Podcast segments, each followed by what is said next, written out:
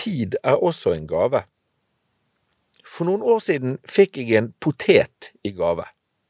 Pent pakket inn og lagt under treet. Den som hadde gitt gaven, hadde gjort seg skikkelig fli med å pakke den inn. Både papir og sløyfebånd var av ypperste kvalitet. Jeg ble virkelig forundret når jeg pakket opp poteten, for hva i alle dager?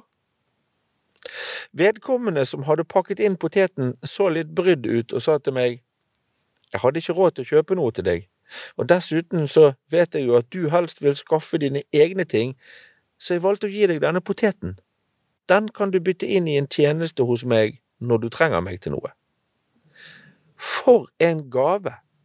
Det jeg altså fikk, det var et annet menneskes tid. Hva jeg brukte poteten til, kan være det samme, men den vil alltid være et symbol for meg på en av de flotteste gavene jeg noen gang har fått. Poteten var opptak til at vi her i min familie har fått og gitt både kuponger på barnevakt og oppvask og rydding og middagslaging.